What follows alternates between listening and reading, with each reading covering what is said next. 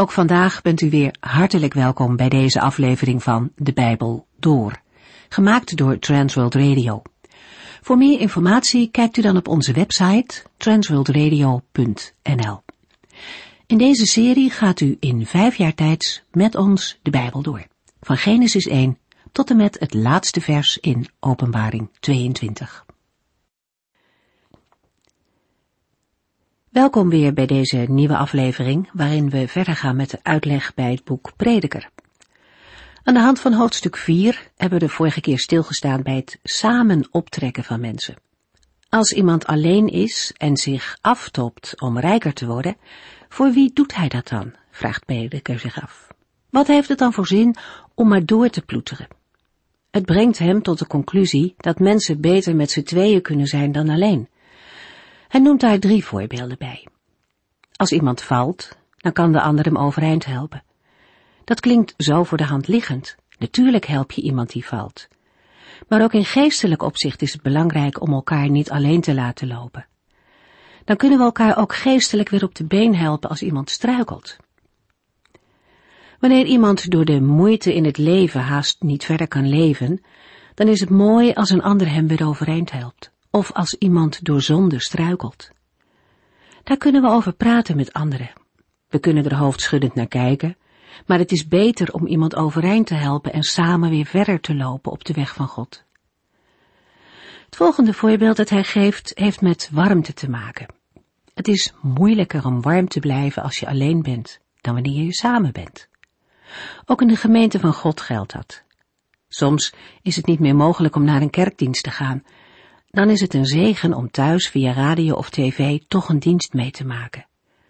Maar als het mogelijk is, dan is het goed om in de kerk te zijn en daar samen te zijn om God te eren en te luisteren naar zijn woord. Daar kunnen gelovigen elkaar verwarmen. Samen optrekken is ook belangrijk in de strijd.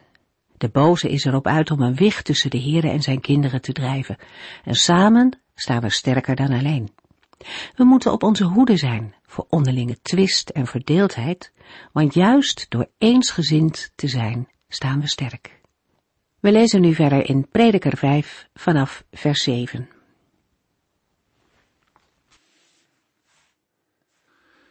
In deze uitzending lezen we verder in Prediker 5. Prediker 5 vers 7 en 8. Als u ziet dat een arme door rijken wordt onderdrukt, en dat overal in het land het recht geweld wordt aangedaan, wees dan niet verbaasd. Want iedere beambte houdt rekening met zijn chef, en de hogere beambten luisteren ook weer naar hun superieuren. En boven al die mensen staat de koning. En als die koning nu maar toegewijd is aan zijn land. Al eerder sprak Salomo zijn afkeer uit van het onrecht en de onderdrukking die hij overal om zich heen ziet. In vers 7 pakt hij het thema van onrecht en onderdrukking weer op.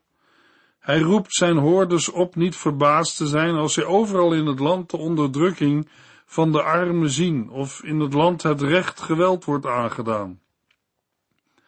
Immers een bestuurder heeft zelf weer een hogere ambtenaar boven zich, die hem beschermt, en boven hen staat nog weer een hoger geplaatste.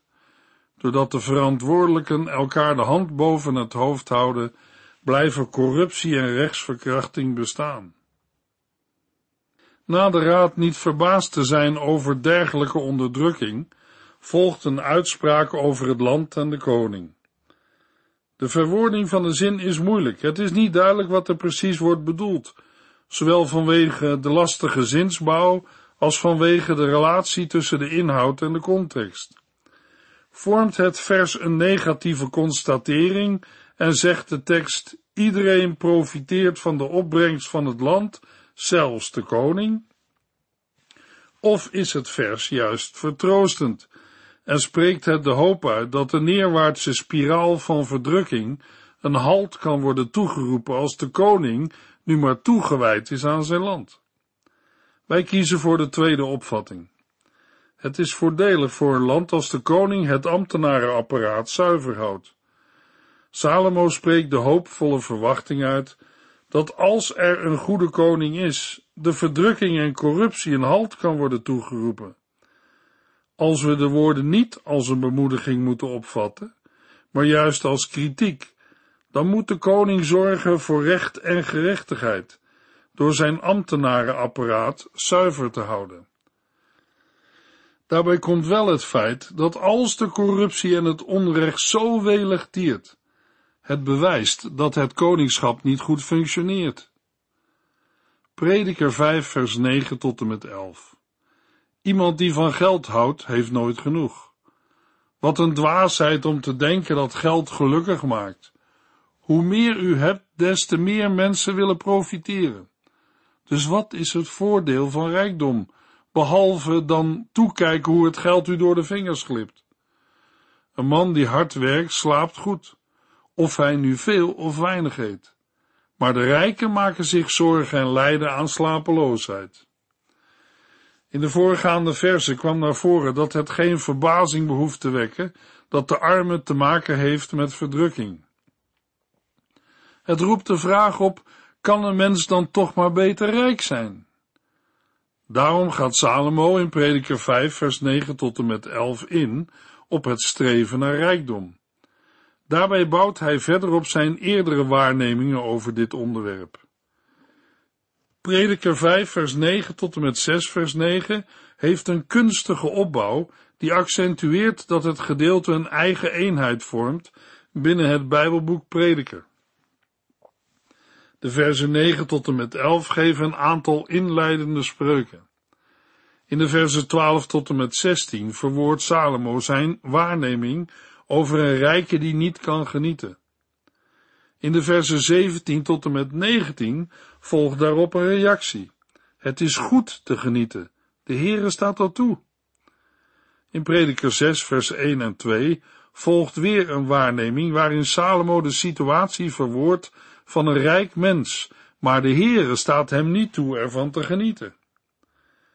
In Prediker 6 vers 3 tot en met 6 gaat het opnieuw over een rijke die niet kan genieten, waarna in Prediker 6 vers 7 tot en met 9 een aantal afsluitende conclusies volgen. De eerste drie waarnemingen worden ingeleid met de woorden dat ik heb gezien of ik zag. Verder valt op dat het gedeelte wordt geopend en afgesloten met het oordeel dat het jagen naar rijkdom dwaasheid is. Het is niet meer dan lucht en leegte, iets wat vluchtig en ongrijpbaar is. De onderwijzingen over de houding ten opzichte van rijkdom en bezit worden ingeleid met enkele spreuken. De eerste spreuk luidt: Iemand die van geld houdt, heeft nooit genoeg. Wat een dwaasheid om te denken dat geld gelukkig maakt.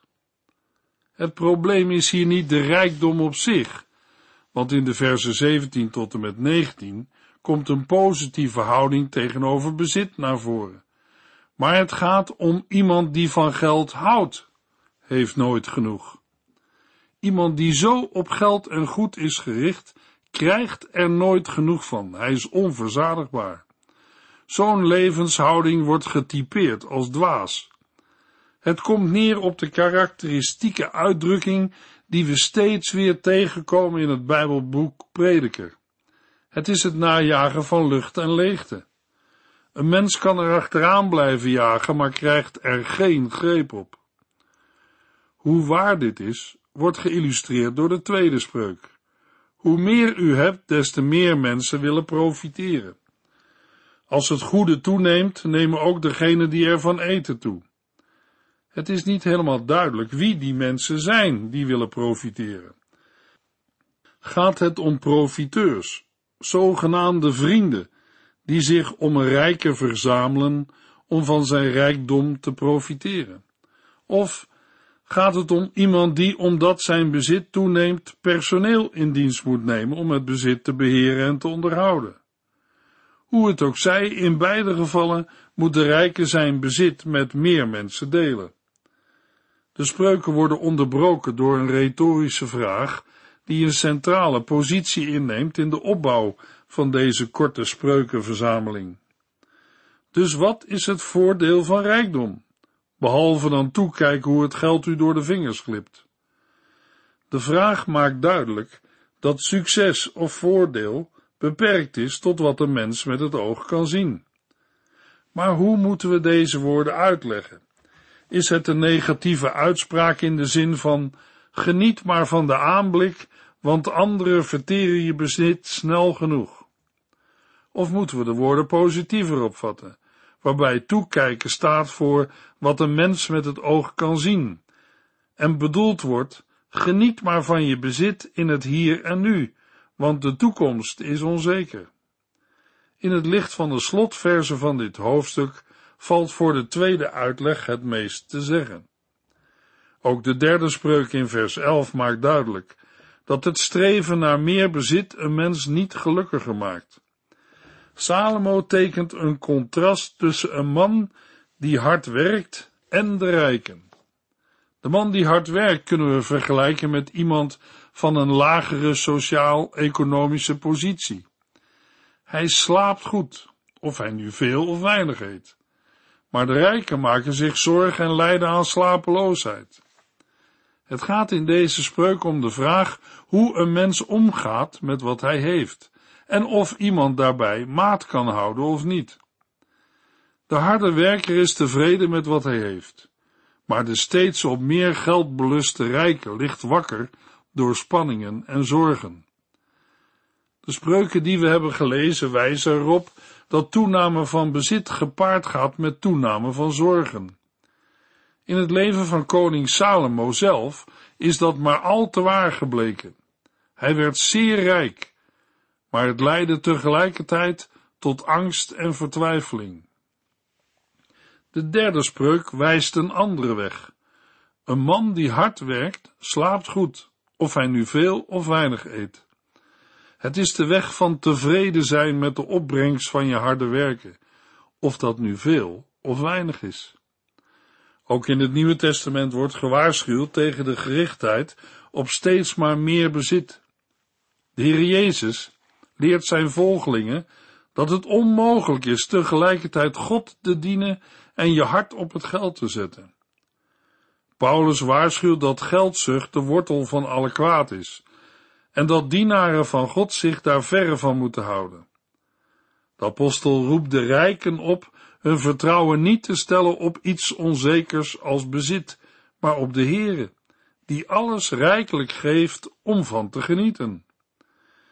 In onze tijd wordt de westerse wereld beheerst door economische systemen.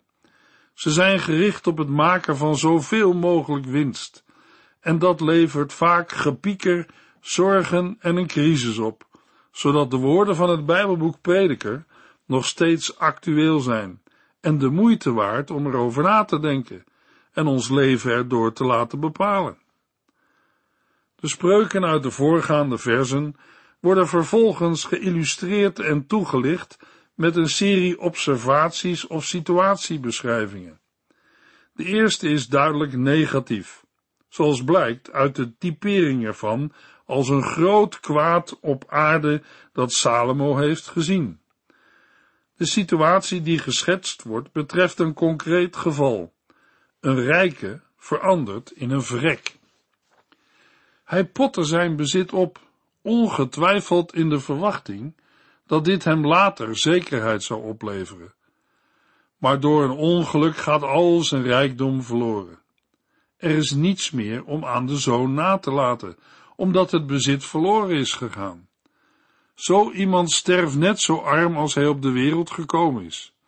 Hij heeft alles voor niets gedaan en laat niets na. Met nadruk typeert Salomo dit nogmaals als triest en ellendig, namelijk dat de mens heen gaat precies zoals hij gekomen is. Wat heeft al die moeite opgeleverd?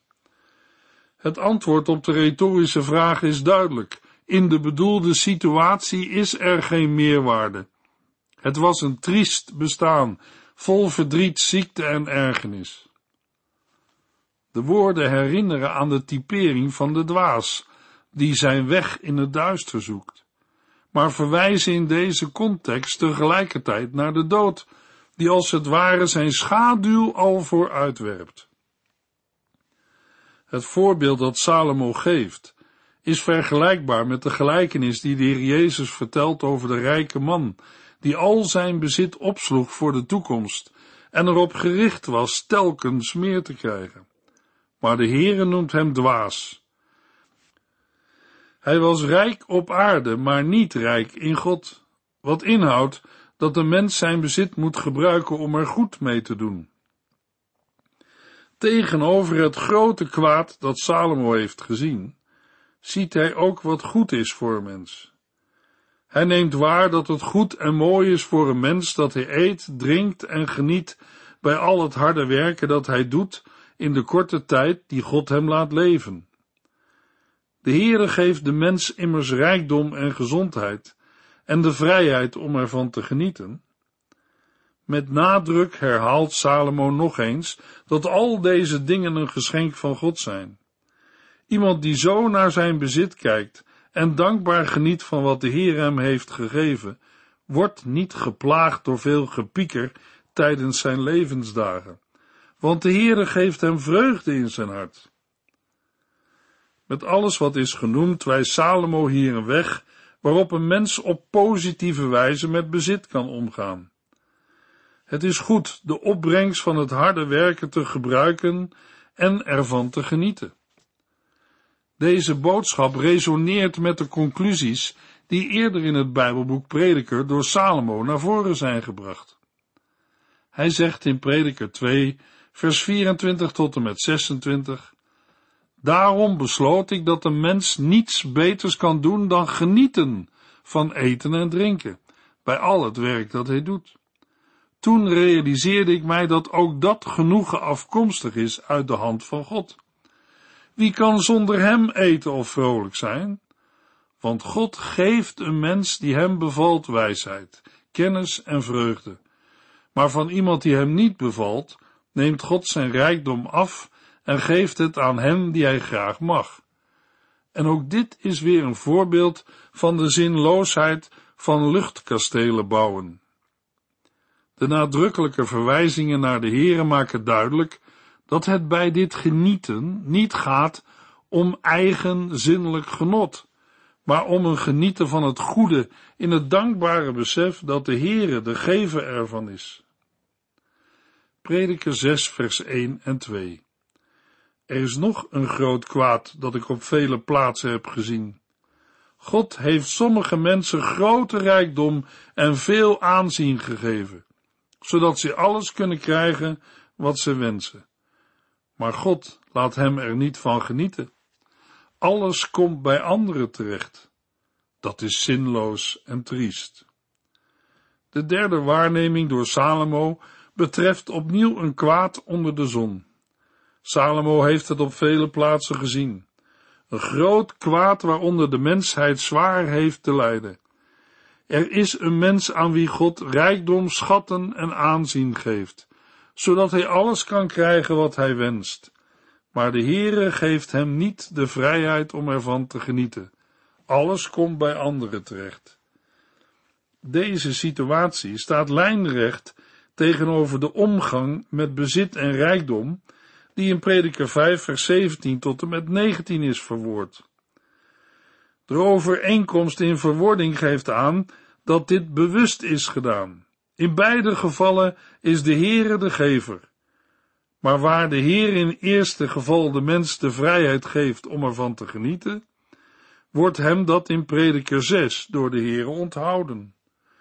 Zo wordt naast de algemene regel dat de Heer een mens de vrijheid geeft te genieten van het goede, een voorbeeld gegeven van een individueel geval, waarin deze regel niet opgaat.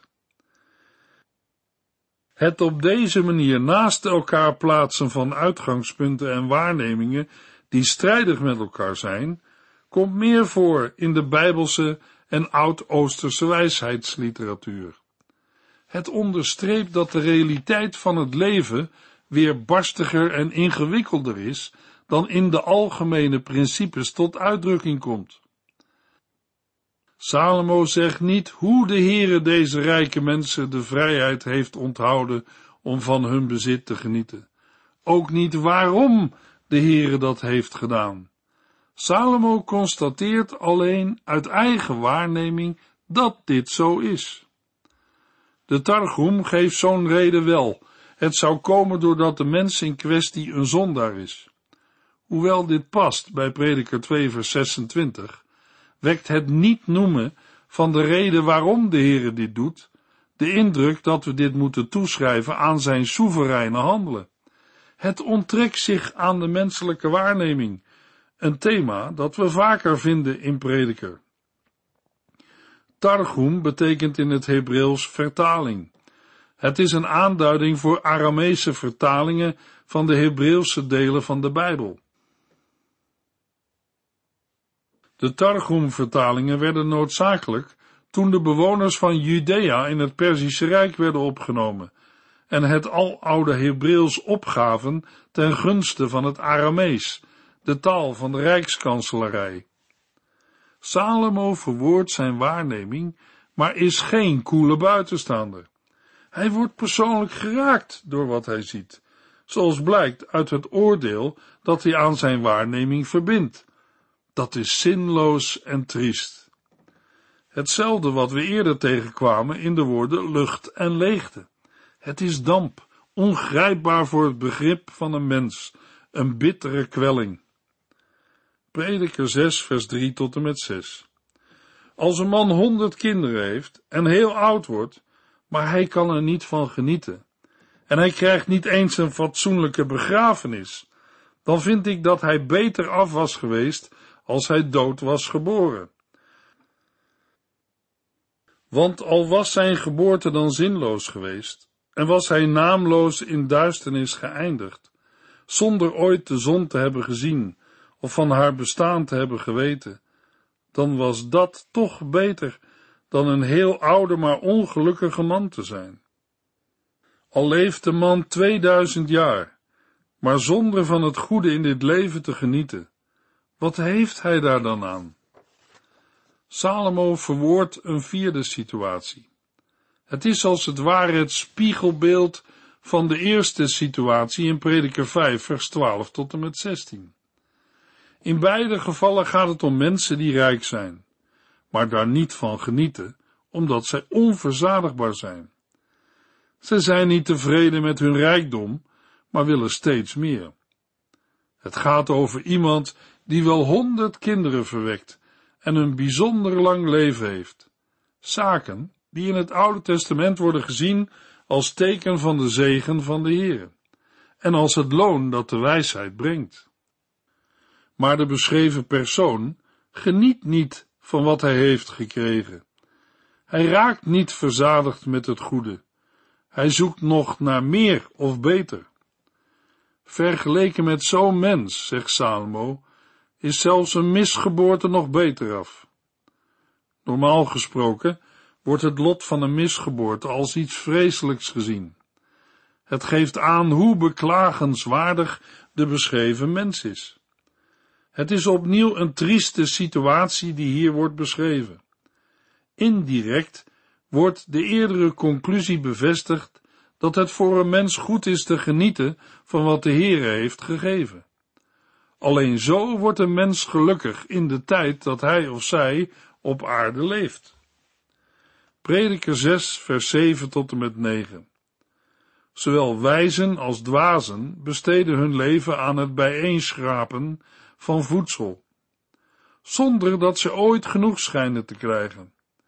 Welk voordeel heeft een wijze vergeleken met een dwaas?